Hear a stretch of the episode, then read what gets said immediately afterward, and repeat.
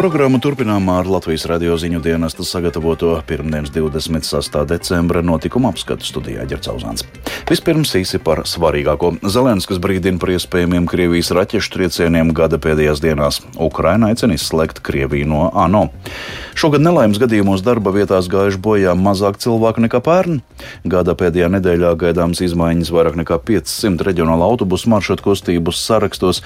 Nākamnedēļ stāsies spēkā jauni gaso dabasgāzes sadalījumi sistēmas pakalpojumu tarifi un paziņos titula Eiropas cilvēks Latvijā ieguvēja. Par šiem tematiem turpinājumā. Пока! Kosovā vakar raidīti šāvieni Latvijas mieru uzturētāju patruļas virzienā. Latvijas aizsardzības ministrijā informēja, ka cietušo incidentā nav. NATO vadīto Kosovas mieru uzturēšanas spēku Latvijas kontingenta karavīru virzienā šauts brīdī, kad viņi bija devušies patruļā.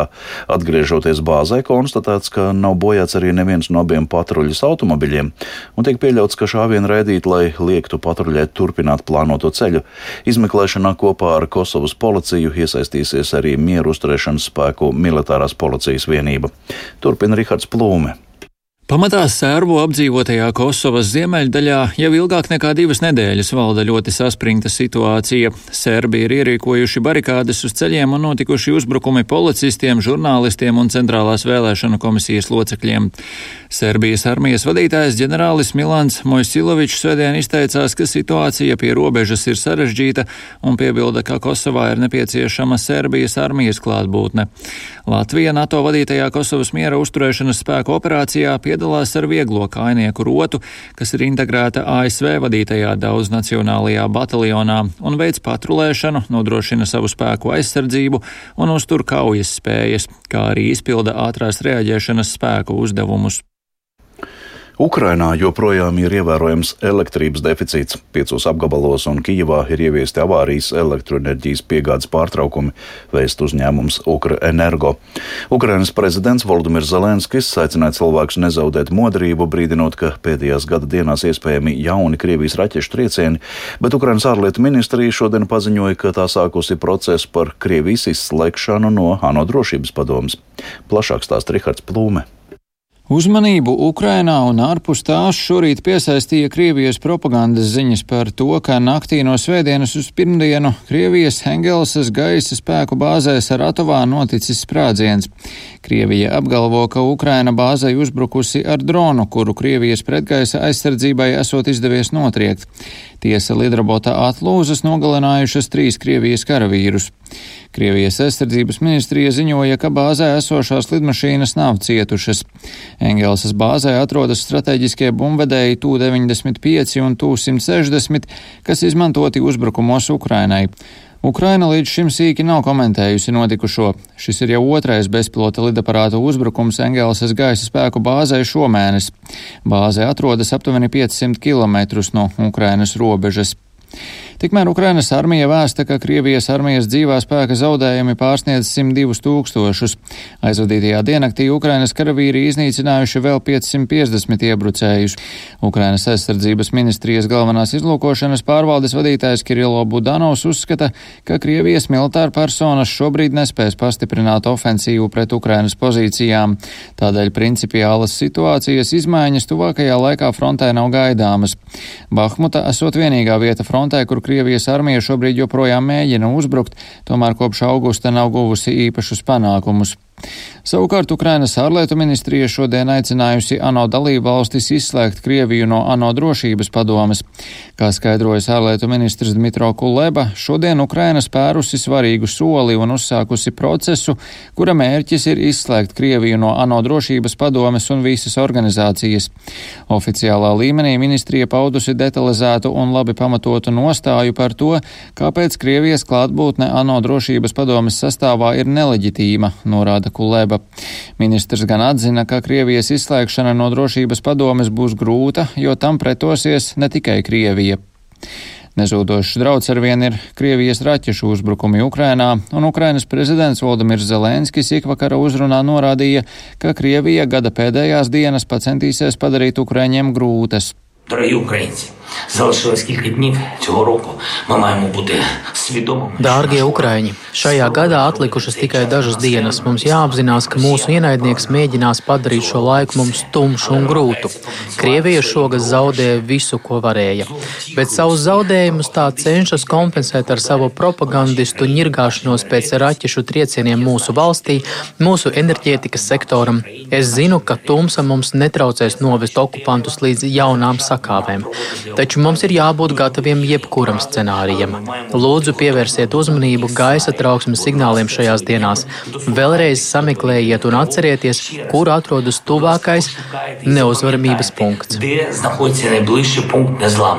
Ukrainas bruņoto spēku gaisa spēku pavēlniecības pārstāvis Jurijs Ignats norādījis, ka gaisa spēki ir gatavi nākamajam masveida Krievijas raķešu triecienam, bet Ukrainas premjerministrs Denis Šmihāls pavēstījis, ka partneru palīdzība enerģētikas nozares atbalstam uzņem apgriezienus.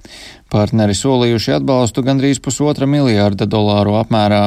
Katru dienu ierodas papildu tehnika, lai salabotu bojāto infrastruktūru. Jau pienākušas vairāk nekā 200 energotehnikas krāvas. Masveida Krievijas uzbrukumi radījuši būtiskus bojājumus maģistrālajiem energosistēmas tīkliem. Bojājumu mēroga un sarežģītības dēļ iekārtu atjaunošana prasa ievērojamu laiku. Elektrības deficīts Ukrainā joprojām ir ievērojams, piecos apgabalos un Kijevā ir ieviesti avārijas elektroenerģijas padeves pārtraukumi. Rihards Plūme, Latvijas radio.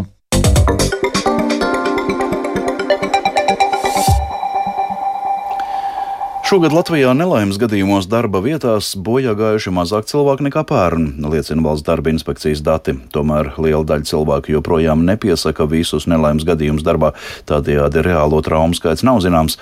Darba traumas izmaksas parasti ir lielākas nekā sadzīves traumu. Valsts darba inspekcija norāda, ka gada nogalē arī mēdz notikt nelaimes darbā, tādēļ kopējā situācija vēl var mainīties. Cik traumatisks šis gads bijis darba vietās, plašāk Lindas Spundiņas ierakstā. Ik gadu nemainās profesijas, kurās rodas traumas. Visbiežāk nelaimes gadījumi ir apstrādes rūpnīcās, otrajā vietā ir vairumtirdzniecība, trešajā transports un ceturtajā būvniecība. Šajā gadā samazinājies letālo nelaimes gadījumu skaits darba vietās, atklāja valsts darba inspekcijas darba aizsardzības nodaļas vadītāja Sandra Zariņa. Letālo nelaimes gadījumu skaits ir samazinājies par 45%. Smago nelaimes gadījumu skaits par 23% un kopējais nelaimes gadījumu skaits par 11%. Bet jāsaka gan, ka tā nebūs galīgā statistika, jo vēl pulka nelaimes gadījumu mums ir izmeklēšanā, un tā tad līdz gada beigām arī vēl ir pietiekoši laika daudz, kad, nu, diemžēl mēdz arī notikt pēdējās darba dienās nelaimes gadījumu darba vietās. Lielākoties cieši darbinieki ar darba stāžu līdz vienam gadam, un tā ir vecuma grupa no 25 līdz 34 gadiem. Zariņa norāda, ka galvenie iemesli nelaimēm ir nevērība, steiga un pārgalvīga rīcība. Tāpēc darba devējiem svarīgi sekot līdzi, vai strādājošie ievēro visus noteikumus. Letālie nelaimes gadījumi šogad bijuši četrās nozarēs, katrā pat četriem gadījumiem. Lauksaimniecība, mežsaimniecība, zivsaimniecība kā viena nozara, apstrāde būvniecība un transporta nozara pieci ir ceļu satiksmes negadījumi un divi ir um, dabīgās nāves. Trešdaļa ir um, šādā veidā gājis bojā darba vietā. Pēc tam, ja mēs paskatāmies lielākā grupa, tas ir pieci cilvēki cietuši ar letālām sakām darba vietās tādēļ, ka viņiem ir kaut kas uzkritis virsū. Tātad vai nu tas ir koks aizzāģēts, vai nu tās ir dažādi jumta pārsegumi, detaļas, kas tiek montētas, demontētas, zāģētas. Trīs ir bijuši, kad ir darbinieks iespiests uh, ierauts kaut kur starp detaļām, divi ir iekrituši tātad veicot darbus uz kuģa vai palīdzot uh, kuģim piestāt piestātnē, un uh, ir arī divi, kur cilvēku uztin uh, nenosaktas šīs rotējošās daļas, ja cilvēks tiek aptīts, ietīts un, un tādā veidā iestājas nāve, vēl ir gadījums, kad iekrīt atvērtā lūkā. Darba traumas izmaksas parasti ir lielākas nekā sadzīves traumu, norāda apdrošināšanas aģentūras Balta nelaimes gadījuma apdrošināšanas produktu vadītāja un risku parakstītāja Ludmila Šķeguļeva. Katru gadu darba traumas apdrošināšanas kompānijā izmaksā vairāk nekā 100 tūkstošus eiro, un tie ik gadu ir aptuveni 6% no visām izmaksātajām atlīdzībām.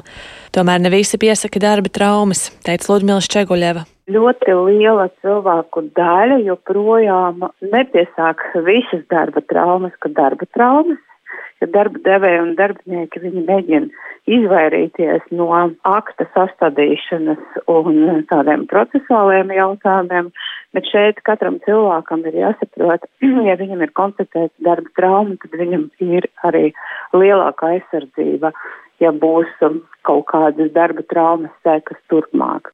Kopš 2019. gada pieteikto traumu skaits darba vietās ir samazinājies. Tas iespējams skaidrojams ar attālināto darbu, kad nelaimes gadījumi notiek mājās, nevis darbā. Tas skaidrojams arī ar to, ka kopējais traumatisms nav samazinājies. Linda Spundiņa, Latvijas radio.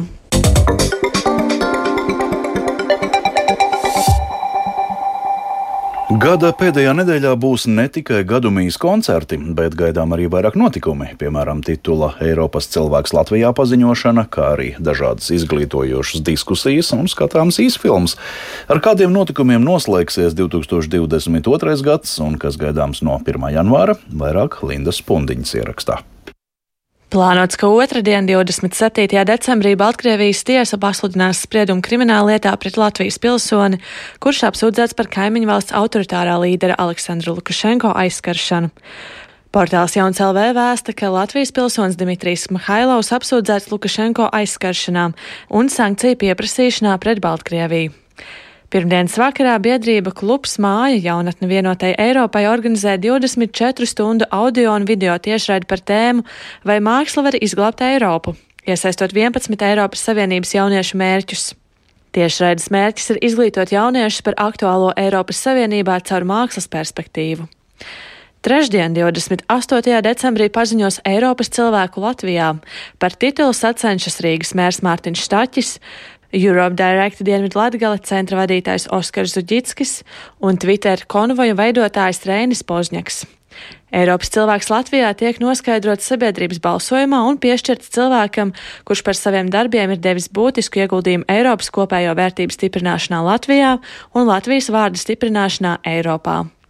Vēl trešdien Centrālā statistikas pārvalde informēs par būvniecības izmaksu pārmaiņām šī gada novembrī, bet ceturtdien par mazumtirdzniecības apgrozījumu novembrī.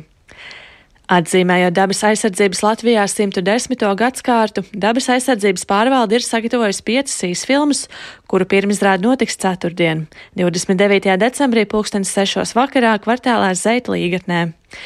Īsfilmu skatīšanos papildinās esošo vai bijušo dabas sargu stāsti gan par piedzīvotiem kurioziem, gan nopietnākiem notikumiem rūpējoties par dabas vērtību saglabāšanu.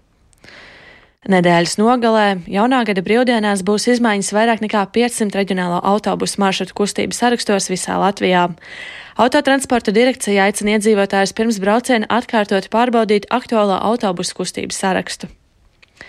Gada pēdējā dienā norisināsies vairāki koncerti, savukārt 5 minūtes pirms pusnakts iedzīvotājs televīzijas ekrānos un Latvijas radio ēterā gadumijā uzrunās valsts prezidents Egils Levits.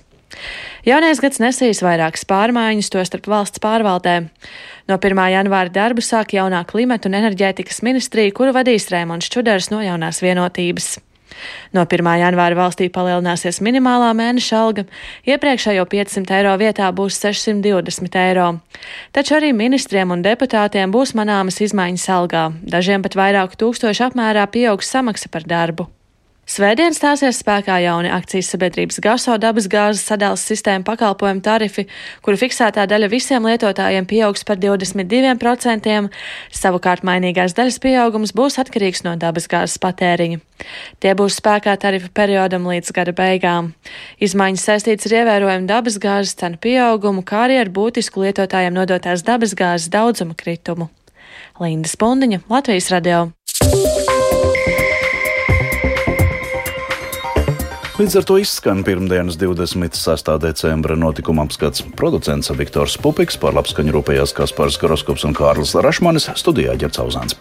Vēl par svarīgāko Kosovā raidīta šāvieni Latvijas mieru uzturētāju patruļas virzienā Zelenskas brīdina par iespējamiem Krievijas raķešu triecieniem gada pēdējās dienās. Ukraina aicina izslēgt Krieviju no ANO. Latvijā šogad nelaimes gadījumos darba vietās bojā gājuši mazāk cilvēku nekā pērn. Šonadēļ paziņos Eiropas cilvēku Latvijā. Nedēļas nogalē gaidāmas izmaiņas vairāk nekā 500 autobusu maršrutu kustības sarakstos un stāsies spēkā jauni dabasgāzes sadalas sistēmas pakalpojumu tarifi. Mūsu ziņām var sakot līdzi arī Latvijas Radio 1 Facebook lapā un sabiedrisko mediju portālā LSMLV.